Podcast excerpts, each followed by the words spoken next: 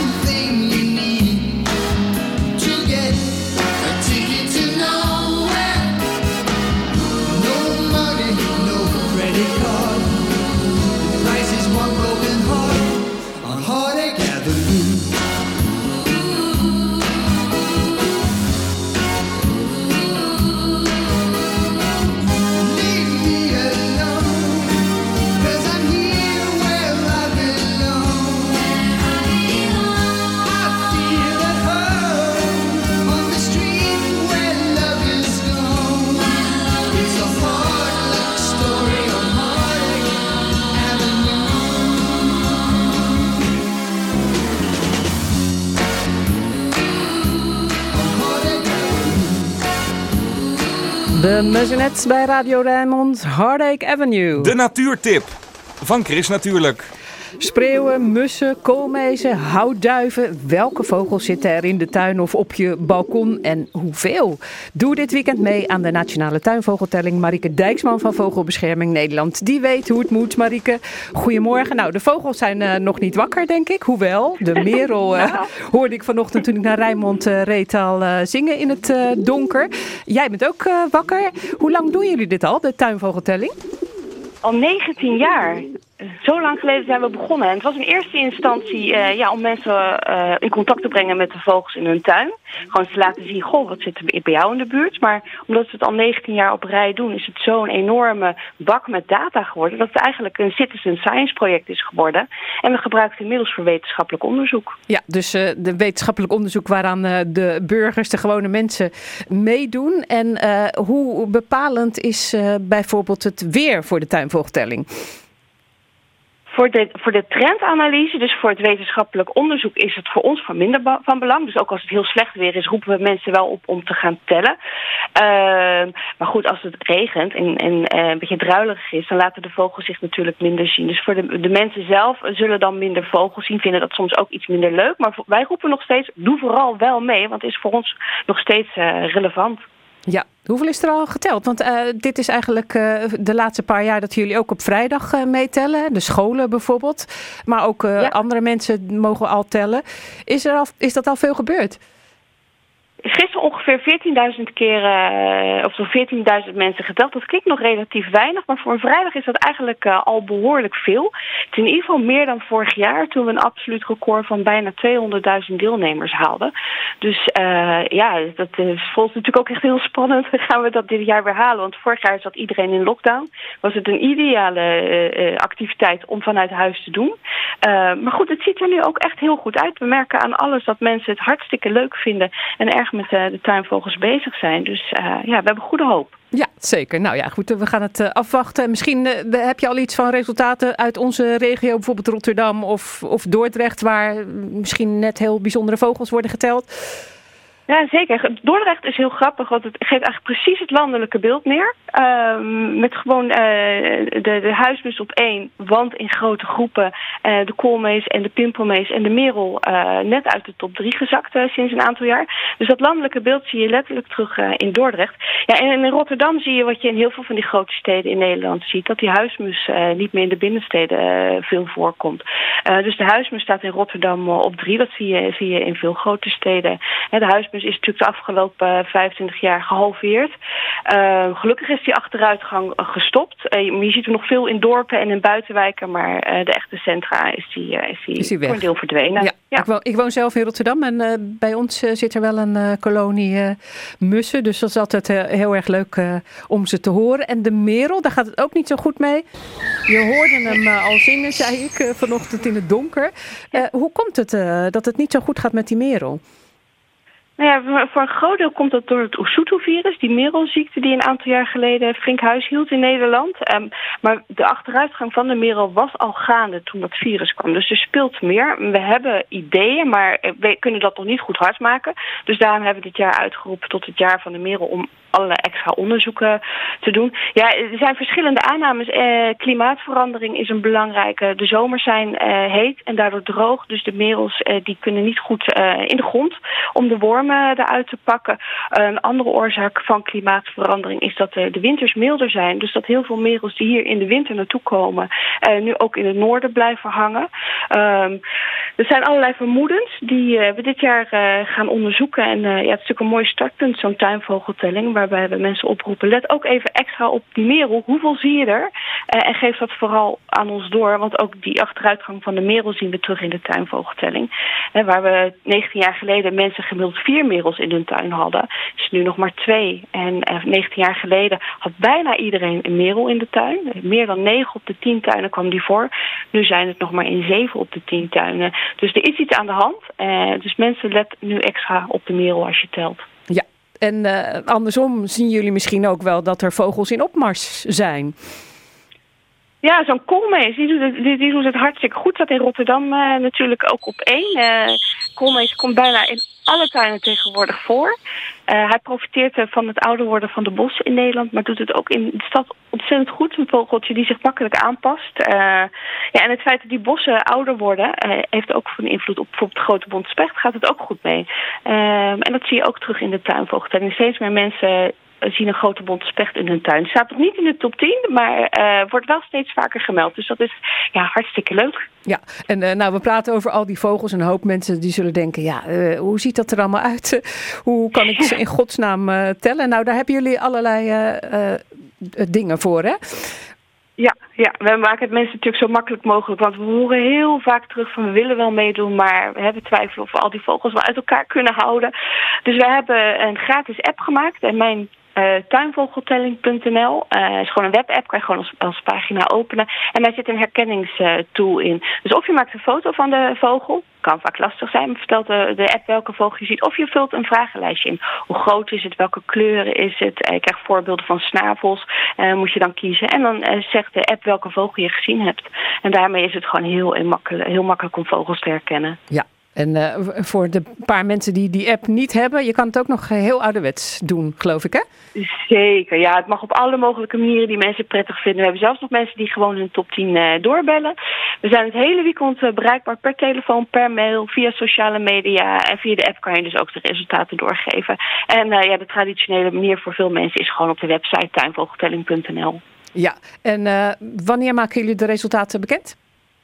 Wij maken zondag eind van de middag de voorlopige top 10 bekend. Maar mensen mogen tot maandag 12 uur hun gegevens in blijven sturen. Ja, dus rustig een half uurtje tellen. Zijn we vergeten erbij te melden. Ja. Eventjes lekker met een kopje koffie of thee erbij. En ja, dan komt het helemaal goed. En dan doorgeven. Marieke Dijksman van Vogelbescherming. Dank voor de tips en je verhalen. Ik hoop dat ook dit jaar ook weer heel veel mensen meedoen. En de telling dus doorgeven op mijntuinvogeltelling.nl. we gonna make it? Is this gonna hurt?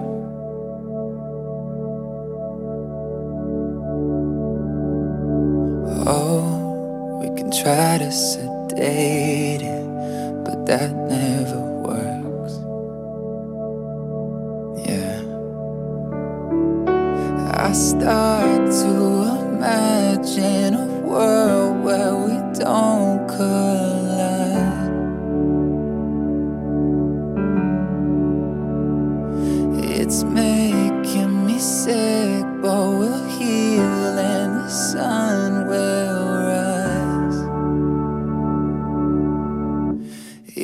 You tell me you're leaving, I'll make it easy. It'll be okay. If we can't stop the bleeding, we don't have to fix it We don't have to stay. I will love you either way.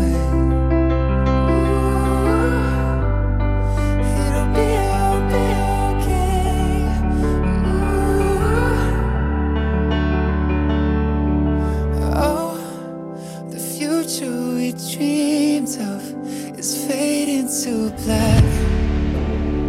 Oh.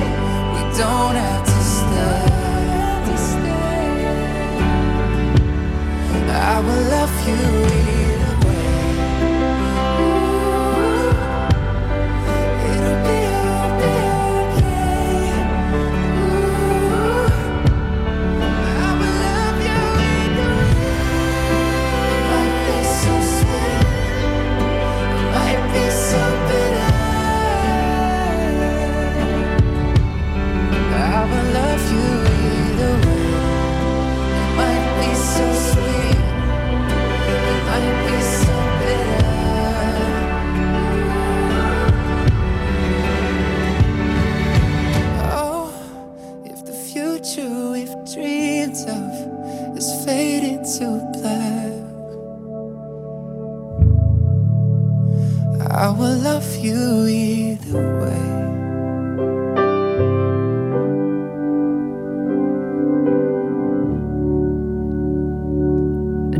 Mooie ballad op de vroege zaterdagochtend van Shawn Mendes. It'll be okay. In 2018 wordt Bas Kwakman bijna dagelijks gekweld door zware hoofdpijn.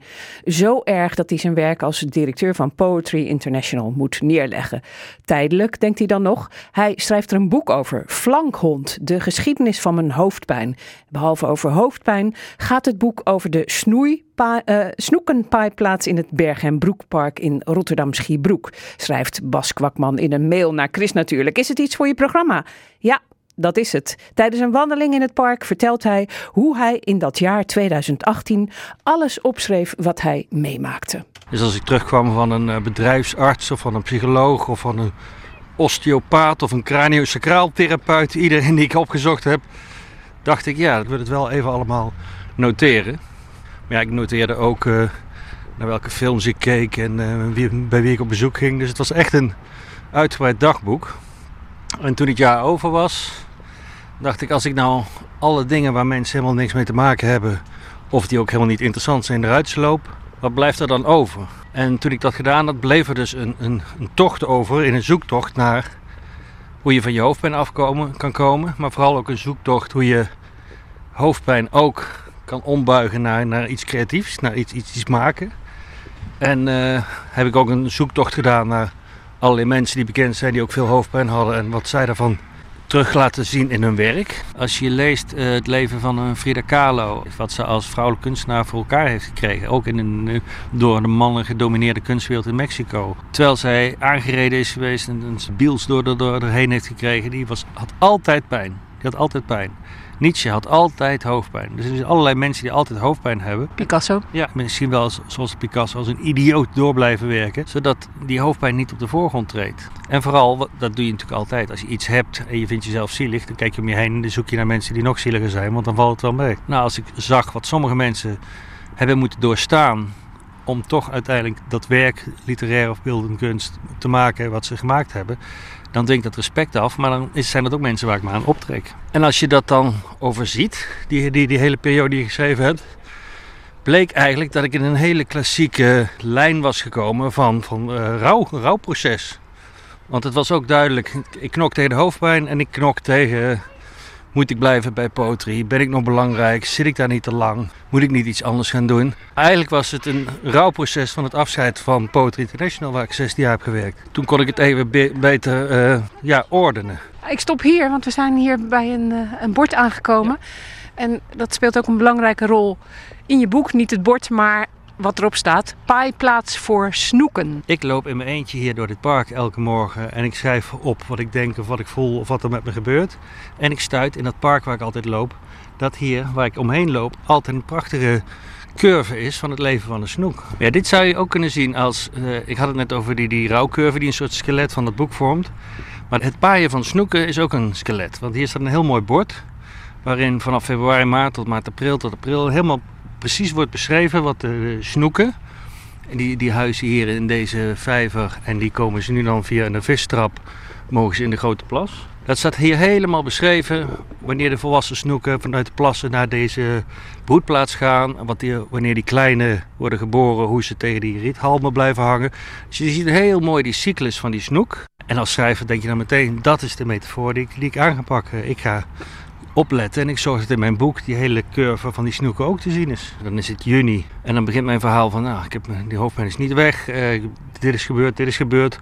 Hoe zou het nu met de snoeken gaan? Even naar het bord kijken. Nou, die passeren nu de stuw, die trekken naar de Bergse plassen en vinden daar hun plaats in de vegetatie. Nou, dan weet ik dat, dat schrijf ik dan ook in het boek, want dat is ook weer een soort houvast van, het is een jaar, het is een skelet van een rouwcurve, maar ook een snoekenpaai curve bijna.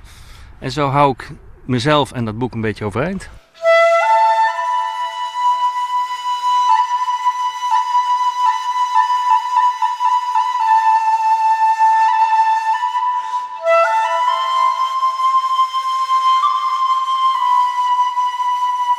was bij Poetry ook zo dat ze eigenlijk jou niet meer wilden? Nou, de laatste jaren bij Poetry groeide ik erg naar uh, vooral inhoudelijke kant toe. Omdat dat, dat mijn ziel en zaligheid en mijn, uh, mijn lust was. Dus het echt het maken van programma's, het uitnodigen van dichters, het zoeken van dichters. Uh, Eigenlijk de leuke dingen, de, de, creatieve dingen. Ja. En niet misschien het leiding geven. Nou, leiding geven en financiën zijn ook creatieve dingen. Maar ik schoof inderdaad iets meer naar dat inhoudelijke. En Poter had wel een zware periode toen. Dichters Vaderlands verdween. Uh, een grote prijs voor poëzie verdween. Dus dat was een zwaar jaar. En eigenlijk zat ik in dat jaar te tobben. Moet ik blijven? Moet ik mijn tijd niet aan mijn schrijverscarrière beginnen? Het is geen goed jaar om te tobben als het uh, slecht gaat. En er was één moment dat ik een uh, belangrijke vergadering bij Potter International, pittige vergadering over de toekomst. En midden in die vergadering heb ik ineens een zin die ik wil opschrijven voor dit boek. En ik dacht, ik heb een geheugen als een zeef, die moet ik opschrijven, want anders ben ik hem kwijt. Dus ik zei tegen al die mensen, ga even iets voor jezelf doen, ga even naar buiten. Want ik zit op een zin te kauwen, die moet eruit. Nou, het zijn bijna allemaal ook dichters en schrijvers die het kenden. Dus iedereen stond op, ging naar de keuken, ging even naar buiten. Alleen de directiesecretaresse, die bleef zitten. Die keek mij zo aan en die zei, toen iedereen weg was... Wat ben je eigenlijk aan het doen? Hij zei, we zitten hier in een hele belangrijke fase van Potri. Het gaat er echt om hoe we door moeten gaan. Er moeten keuzes gemaakt worden. Wij hebben jou 100% nodig. Maar jij zit te kou op een zin. En dat was voor mij wel een soort kwartje dat viel. Als je wil dat het goed overeind blijft, of in ieder geval een nieuwe doorstart kan maken, dan moet je daar volle bak uh, inzet plegen. En ik deed dat niet, want ik was met alle andere dingen bezig. Onder andere met je hoofdpijn. Nou, onder andere met hoofdpijn. En ik heb ook een heel jaar 2017 met heel veel hoofdpijn en met heel veel pillen toch doorgewerkt. Volgens mij heb ik dat te lang gedaan. En toen zei dit lichaam, het werkt niet, we geven je maar even structurele hoofdpijn, dan luister je misschien wel. Dus dat jaar was al niet goed. Maar die club die is er volgens doorgegaan. Die kreeg een interim directeur, die ging het 50 jaar bestaan vieren. En die dacht ook van ja, maar die kwakman die zit al zijn tijd in het buitenland op zoek naar dichters. Maar wij moeten eigenlijk een directeur hebben die misschien wel 100% zich op het zakelijke gedeelte stort. Dus eigenlijk willen we Bas wel terug, maar niet in de Bas zoals die was. Het bestuur noemde dat, we willen uh, Bas 2.0 terug. Maar ja, dan denk je thuis 2.0, ik lig je met de migraine. Waar gaan we heen uh, trouwens nu? We willen even naar, naar de plas kijken. Dit is een oversteekgebied. Waar jongeren hebben daar altijd een soort feest en partijen. En dan hebben ze hier wat bootjes liggen en dan gaan ze hier de plas over en dan gaan ze daar naar het eiland. Precies daar waar die twee zwanen zwemmen.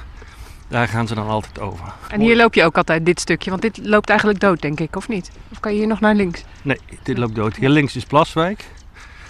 Dus dan kom je meteen op het uh, speelterrein daarvan. Dit is echt een, uh, te waterlaadplaats is dit.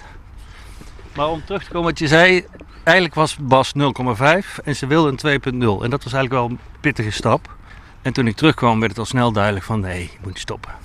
Ik dacht ook, stel ik ben dadelijk 65 of 70 en ik kijk terug. Oké, ik heb geweldige dingen gedaan. Potri was prachtig, daar heb ik ook prachtige reizen van mee kunnen maken.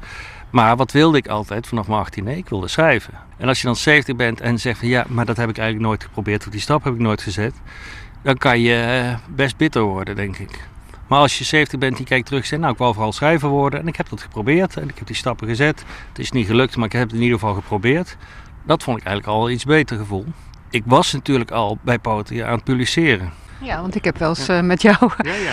over je hotelkamerverhalen. Heb je een boek geschreven? Heb ik samen met jou als een reportage gemaakt uh, in een hotel? In hotelkamer, die we voor een uurtje hadden geboekt. Uh, dus ik was er wel al bezig daarmee. En ik dacht altijd van als ik de mooiste baan ter wereld heb en mijn grote wens om te publiceren bij erkende uitgeverijen. Man, dan is, dan is de boel helemaal in evenwicht. Dan moet het toch ideaal zijn. Nou, vanaf het moment dat dat gebeurde en dat publiceren bij een erkende uitgeverij en de mooiste baan ter wereld, bleek dat helemaal geen balans te zijn. Bleek het juist helemaal uit balans te lopen. Dus dat is ook een van dus Je kan een heel rijtje. Ik krijg er hoofdpijn van. Dat is een goede reden om ergens mee te stoppen. Ik wil al jaren iets anders doen en dan wil ik nog de tijd hebben om dat uit te voeren, schrijven. Ook een goede reden om te stoppen. Ik zit er al 16 jaar. En het is, eh, er verandert veel in de wereld van de poëzie en er verandert veel in de kunst- en cultuurwereld. En misschien hou ik wel veranderingen tegen, omdat ik al 16 jaar roep Nee, dat kunnen we niet doen. Dat hebben we in 2002 al geprobeerd. Nou, dat soort dingen waarvan ik vroeger dacht... Als ik iemand dat hoor zeggen, krijgt hij een schop onder zijn hol. Blijkt dat ik dat zelf, dat soort dingen zeg. Dus er zijn allerlei redenen, maar die moest ik in dat jaar wel even op een rijtje zetten. Heb je veel op deze plek gestaan, hier bij de plas? Hier heb ik wel veel gestaan, ja. Het is ook een keer uh, nog dichtgevroren geweest. Dus dan kon je ook uh, gewoon hier naar de straatweg en naar Hillegersberg lopen. Dat was prachtig. Dan gaan we die kant weer op nu terug. Het is, het is een uh, flinke natte plek eigenlijk hier, hè? Ja, ja, heel erg. Het waterniveau van die snoeipaaiplaats die wordt ook steeds gemonitord en veranderd. Want alles wat ideaal is voor die oude of jonge snoeken, pompen ze er water in of zetten ze de sluizen open. Dus het is een heel ideaal systeem voor die snoeken hier. Je mag ook absoluut niet vissen. uh, jouw boek heet uh, Flankhond. En dat heeft natuurlijk met de hoofdpijn te maken. Maar het grappige is dat je een paar keer in het boek ook door honden wordt aangevallen. Hoe zou dat dan komen? Ja, die, die, die, ruiken dat, ze goed, dat het goed voer is om op te springen. Nou, die flankhond komt van, eigenlijk van een ander verhaal, wat ook in mijn allereerste boek, dat Hotelkamerverhalen, staat. Ik liep een keer in New Delhi, moesten we van ergens waar we geweest waren met een aantal dichters terug naar het hotel. En een, of andere slimmerik zei, we gaan wel even door het park, dat is korter. Ja, een park in New Delhi in India is iets anders dan een park hier. Dus we kwamen in een behoorlijk enge bosomgeving waar allemaal hele valse honden liepen.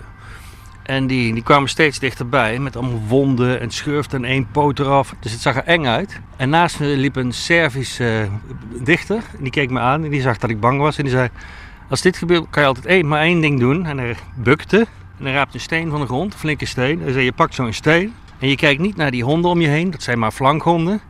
Je kijkt naar een hond die iets hoger staat en die de boel in de gaten houdt. En die kijk je recht in de ogen terwijl je die steen vasthoudt. En dan kan het alfamannetje besluiten om zijn flankhondjes weg te halen. En het lukte. Dus na een tijdje waren die flankhonden weg en ik was diep onder de indruk van het verhaal. En wist niet hoe snel ik naar mijn hotelkamer moest komen om dat verhaal op te schrijven. Maar dat flankhond, dan zie ik die hond vormen die akelig is, die eng is, die kan bijten, die schurftig is. Maar de hele tijd aan je flank zit, de hele tijd naast je loopt. Dat vond ik ook wel weer een soort metafoor voor die hoofdpijn.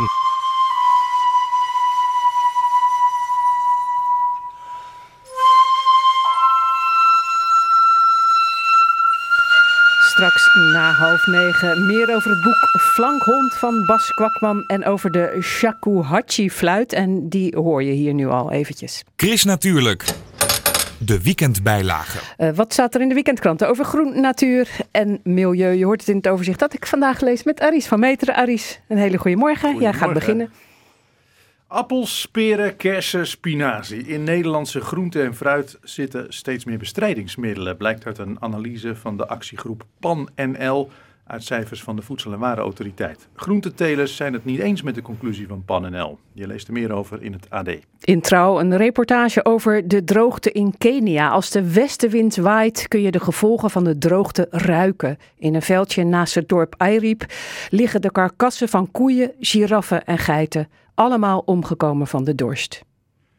Karton wordt steeds vaker gebruikt om stoelen, tafels en bedden mee te maken. Het is stevig en goedkoop, maar is het ook duurzamer? Daarover lees je vandaag in NRC.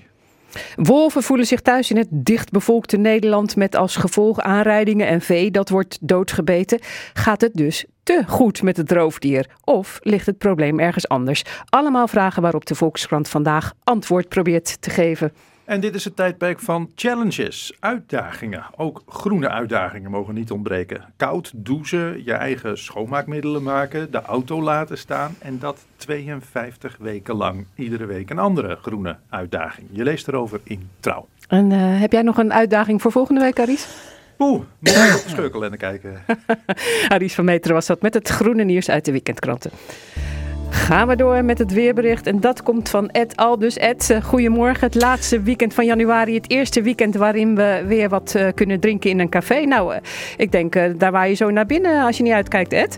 Ja, inderdaad. Het is vandaag een winterrijke dag, Chris. Goedemorgen. Goedemorgen. En uh, ja, januari gaat heel somber uh, eindigen. Hè? Want uh, althans, de maand op zich eindigt somber. Het is nog nooit zo somber geweest deze eeuw zelfs. Dus dat is toch wel heel bijzonder. En als ik het even uit mijn hoofd goed zeg, is het sinds 1977 in het Rijnmondgebied niet meer zo somber geweest. Hmm. Nou ja, vandaag ook een sombere dag hoor, met veel bewolking. De aangevoerde lucht is vochtig. Er zou nu nog een spatje motregen kunnen vallen, maar verder ja, toch meest droog vandaag. En wat opvalt is ook de temperatuur. Op dit moment is het 9 graden in de regio. Nou, de temperatuur die loopt op naar 11, misschien lokaal wel 12 graden. Nou, er is nauwelijks zon. Het zou kunnen zijn dat hij heel even om een hoekje komt kijken in de loop van de dag, maar dat mag weinig voorstellen.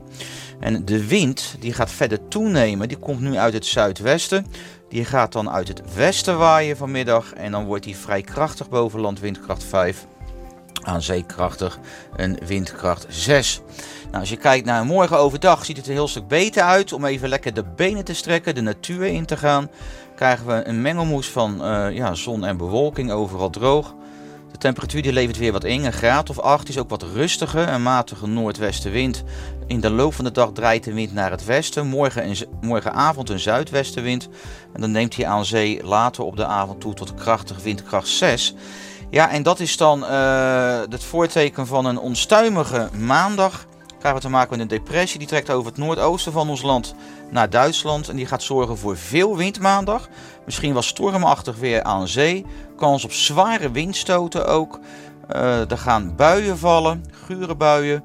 Misschien een enkele opklaring in de loop van de dag. En temperaturen dan smiddags 7 graden. Zo, wordt dat de opmaat uh, voor uh, februari en veel storm en regen? Nou ja, het ziet er in ieder geval wisselvallig uit. Dinsdag eerst regen, in de middag een losse bui. En dan wordt het weer wat zachter, een graad of 10. Woensdag dan weer droog. Met een beetje zon, een graad of 9. Donderdag dan weer af en toe regen. Dus uh, vooral wisselvalligheid troeft de komende tijd. Ja. Ed? Ja, mooi hè? Jij hebt de boshouw uh, gezien ergens in Zuid-Holland. Je zegt ja. niet waar. Nee, dat doe ik expres niet, omdat anders mensen erheen gaan. Ja, ja, nou, ik, ik zou wel. Ik weet er ook eentje. Maar oh, uh, ga ik lekker ook niet zeggen dan. Nee. Maar wat een prachtige foto heb je gemaakt, Oh, dankjewel. Ja. ja. Nou, hij is van verre afstand nog genomen hoor. Want de Bos L zelf zat een meter of 30 van mij af. 10 meter hoog ook nog. En uh, ja, het is echt toch wel een beleving om het te zien. Het was voor mij de eerste keer dat ik de Bos L uh, ja, mocht zien. Dus. Ja, maar het, het, is, het leent zich ook wel voor een mooi plaatje natuurlijk. Hè? Het is een prachtig beest. Ja, nee zeker. Ja, het is een beetje mysterieus, hè? een beetje ja. sprookjesachtig. Ja, dus, nou, uh, wat ga je nou meer doen, Ed? Nog meer vogels fotograferen of meedoen aan de tuinvogeltelling dit weekend? Nou, ik heb weinig vogels in mijn tuin, dus daar zal ik snel klaar mee zijn. Maar uh, ik ga heel veel foto's uitzoeken, want ik ben van de week ook nog uh, ja, uh, wezen vogelen. Dus ik heb nog duizenden foto's om uit te zoeken. Nou, ze kunnen het allemaal zien op Twitter en op ja, de andere zeker. kanalen. Oké okay, Ed, fijn weekend. Ja, dankjewel Chris, Hoi. voor jou ook. Dank je. Luisteren allemaal naar Chris. Kom daar toch. Chris, natuurlijk.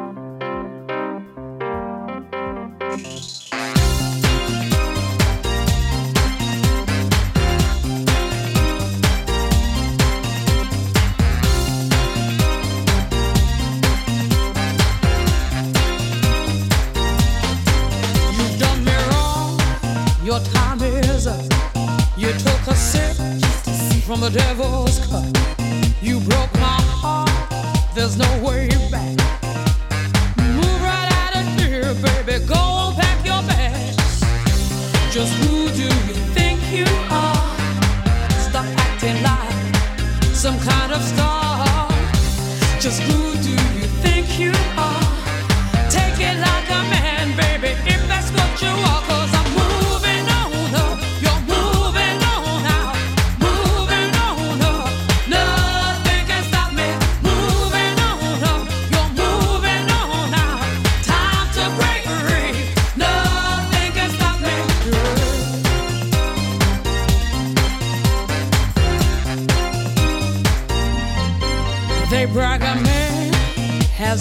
Space, but you can't even find my place.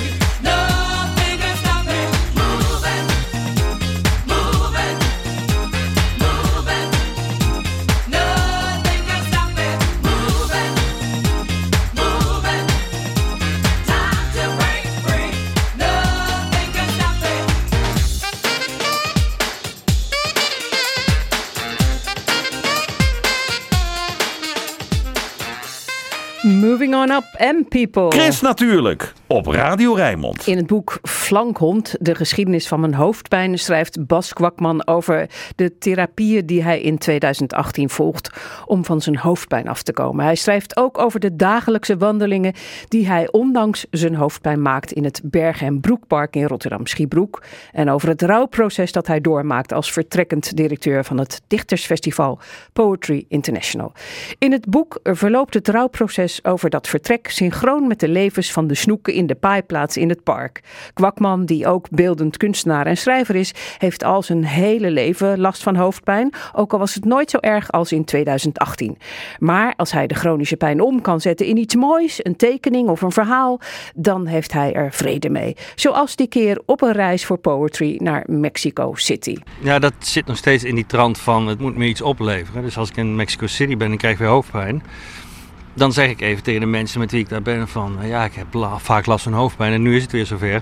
Want die zeggen, oh, maar er staat hier wel een shamaan op het eh, plein... en die kan je wel even met een paar rokende laurierbladeren weer helen. En dan denk je, nou, gaan. En dat is...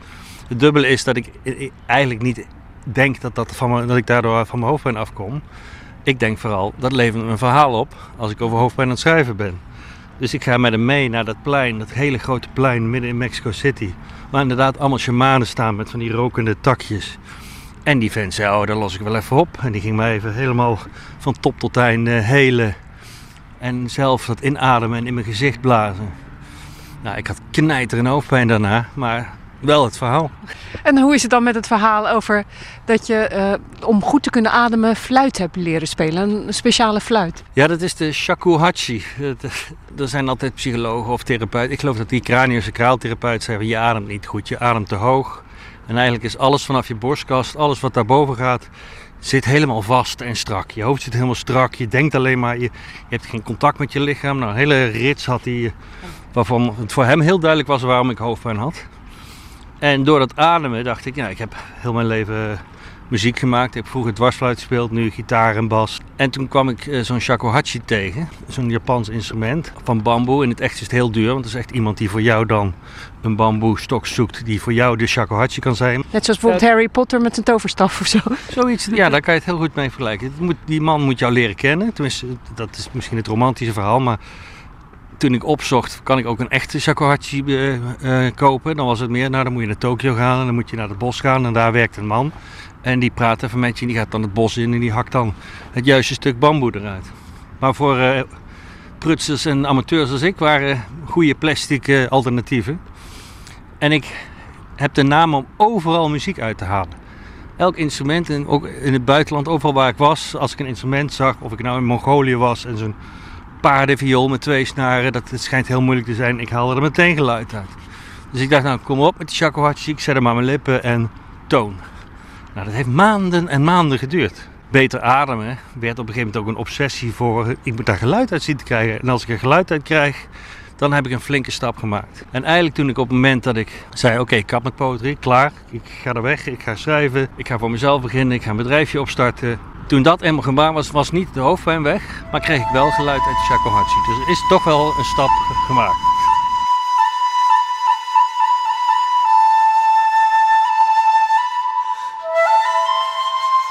En dan die snoeken, die snoeken van het eh, park. Wat jij zei, ja, het is dus een cyclus. Een cyclus van een jaar, zoals die snoeken ook ja, beginnen en eindigen. Een rouwproces heb je meegemaakt. En nu, ja, nu ben je geen directeur meer alweer een tijdje. En heb je een ander leven. Hoe kijk je er nu op terug? Nou, van dat jaar 2018 ben ik vooral blij dat het dat boek heeft opgeleverd. En dat het uiteindelijk ook iets opgeleverd heeft waarvan een uitgeverij zegt, dit vinden we te gek. En mensen het ook kopen. Dus dan is het niet een helemaal een weggegooid jaar geweest. Maar ik denk dat het in veel bredere zin geen weggegooid jaar is geweest.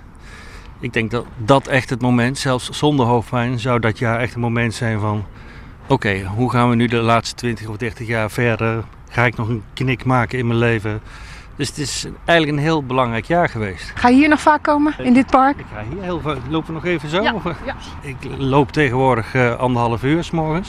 En dat begin ik altijd hier met het park. Waar heb je nog meer gestaan om te tekenen, bijvoorbeeld in dit park? Ja, ik wilde van dit park, die, ik wilde het echt ook in kaart brengen. Ik heb ook een plattegrondje van het park eh, in het boek opgenomen. En dan heb ik, eh, de- mijn tekening heet ook Noordwest, West, Zuid, Zuidwest.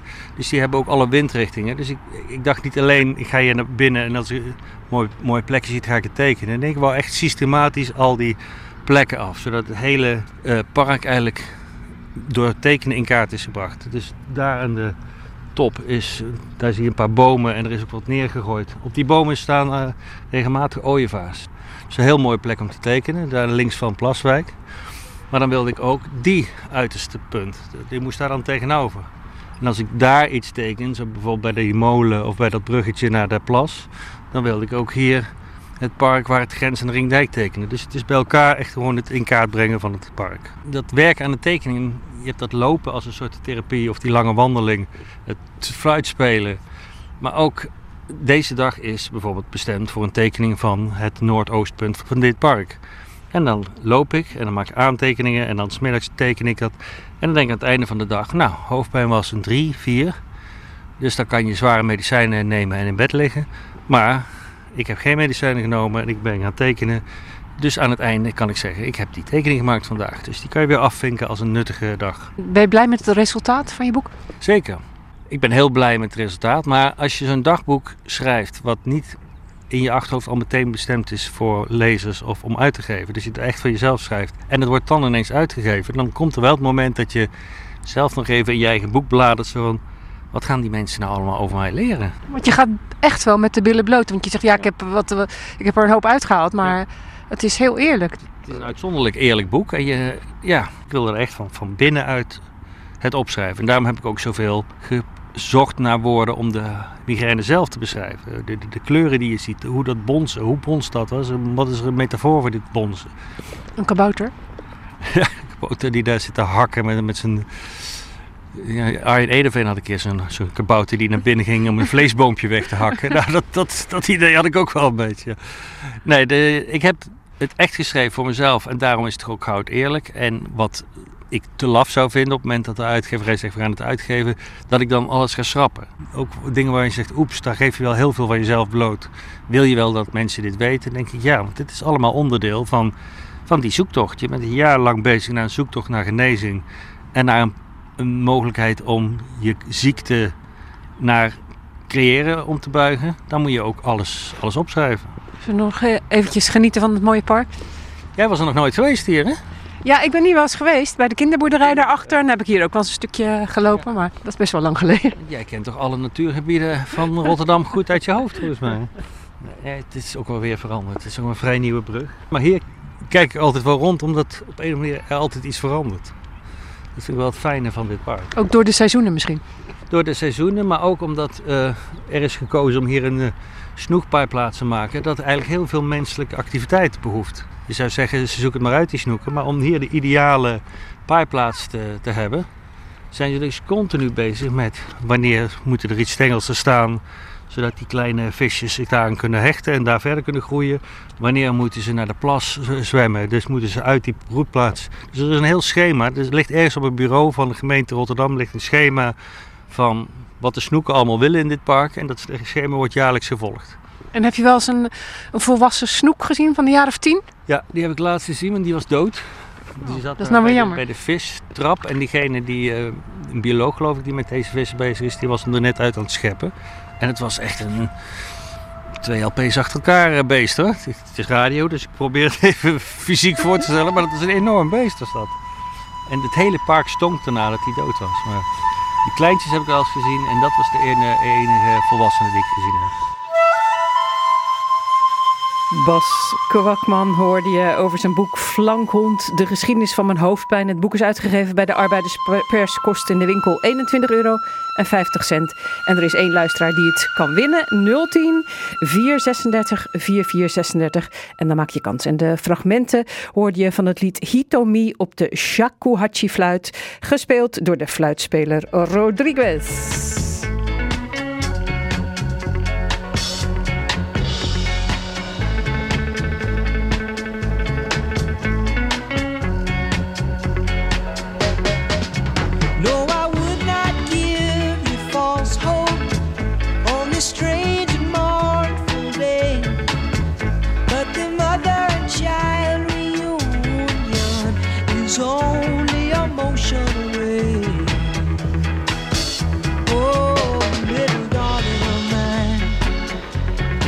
Can't for the life of me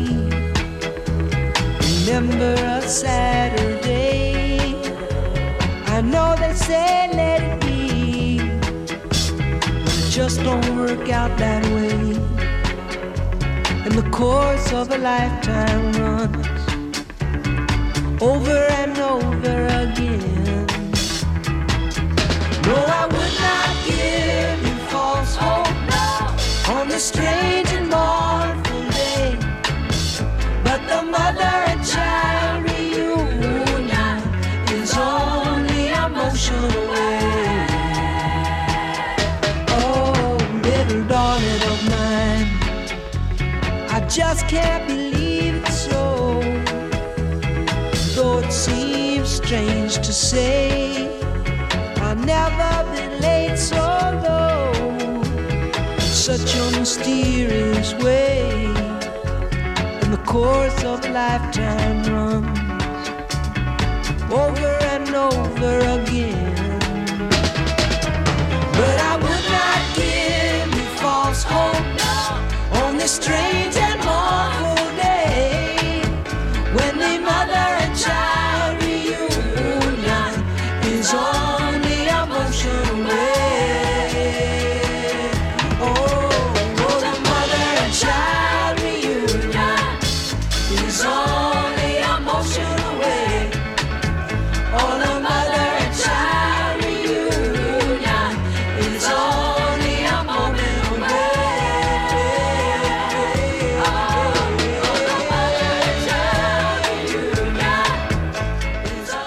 Simon, Mother and Child Reunion. Chris natuurlijk.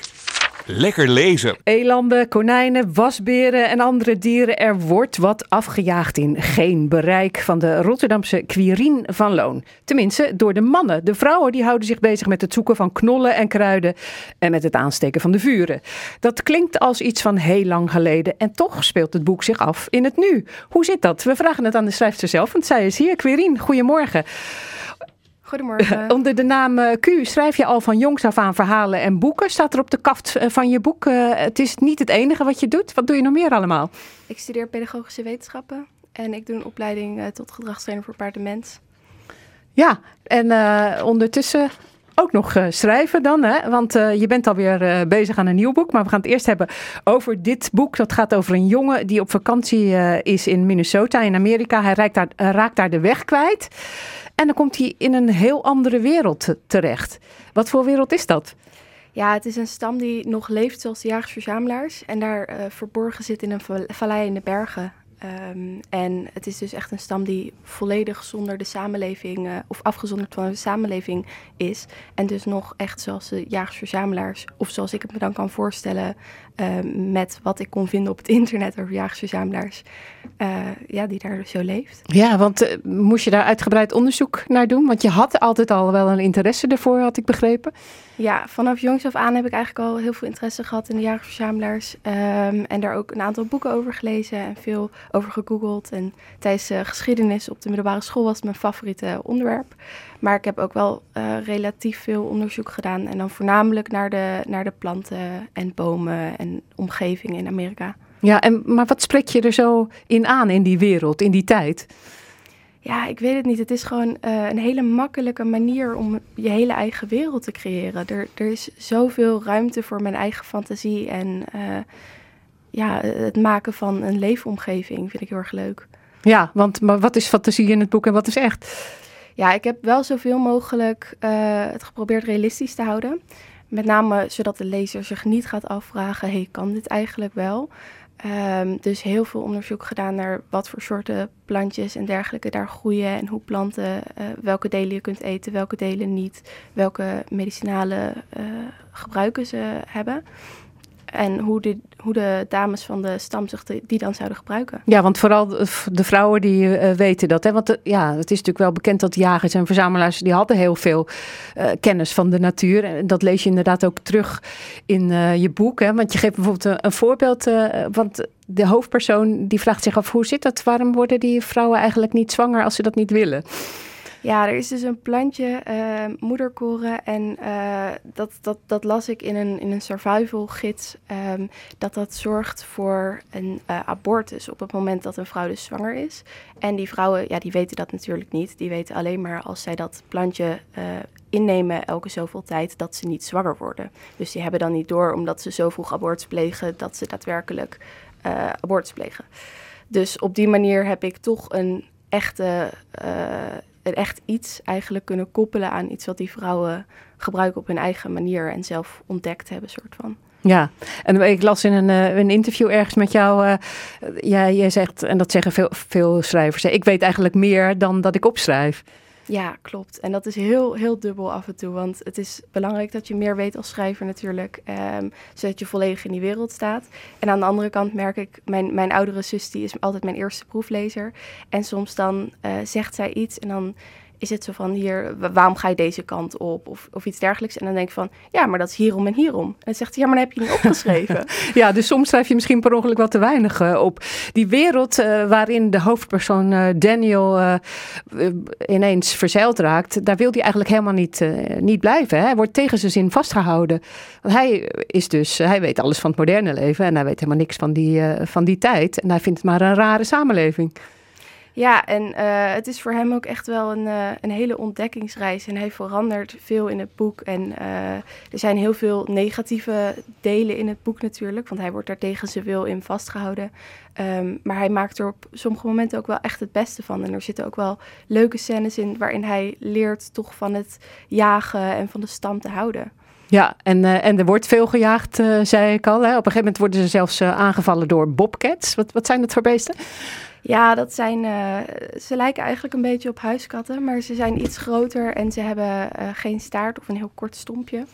En de allereerste keer dat ik die tegenkwam was in de achtertuin van het huis waar ik woonde in Amerika. Daar liepen twee relatief grote bobcats over de schutting. Ja, daar was je au pair. Moest je op de kinderen letten. Ja, dus ik eh, stond daar met twee hele kleine kinderen eigenlijk in de tuin. En ik ben toch maar even snel naar binnen gegaan, want dat zijn best grote beesten. En daarna heb ik er onderzoek naar gedaan. En dan blijkt dat een bobcat gewoon een volwassen hert in zijn eentje kan doden. Dat is toch best wel eh, heftig. Ja, dus maar dat soort dingen, dat, dat gebruik je allemaal eh, in, in je boek.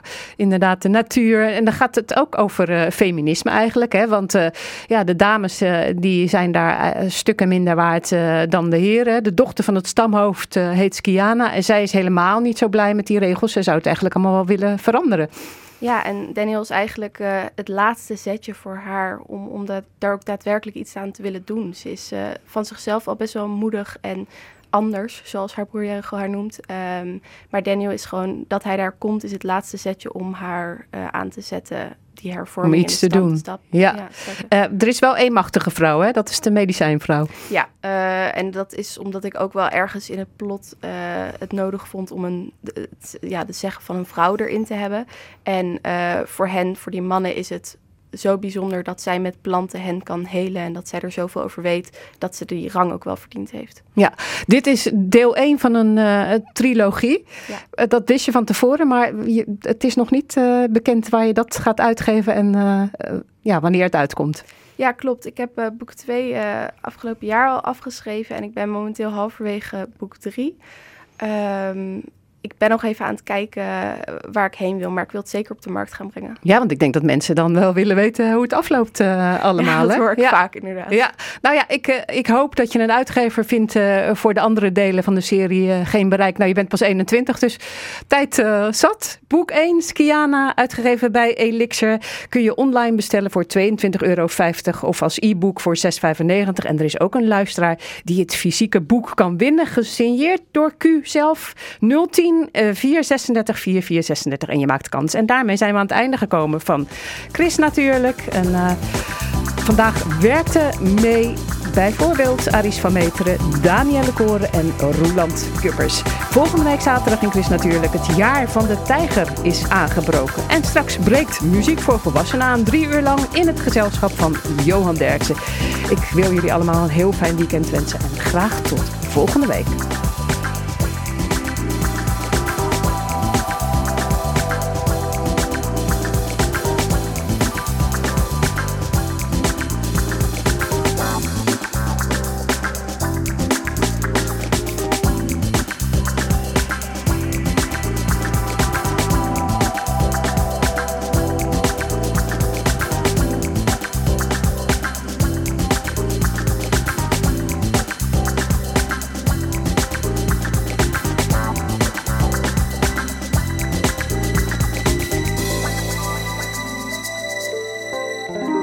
Chris Natuurlijk. Kijk ook op chrisnatuurlijk.nl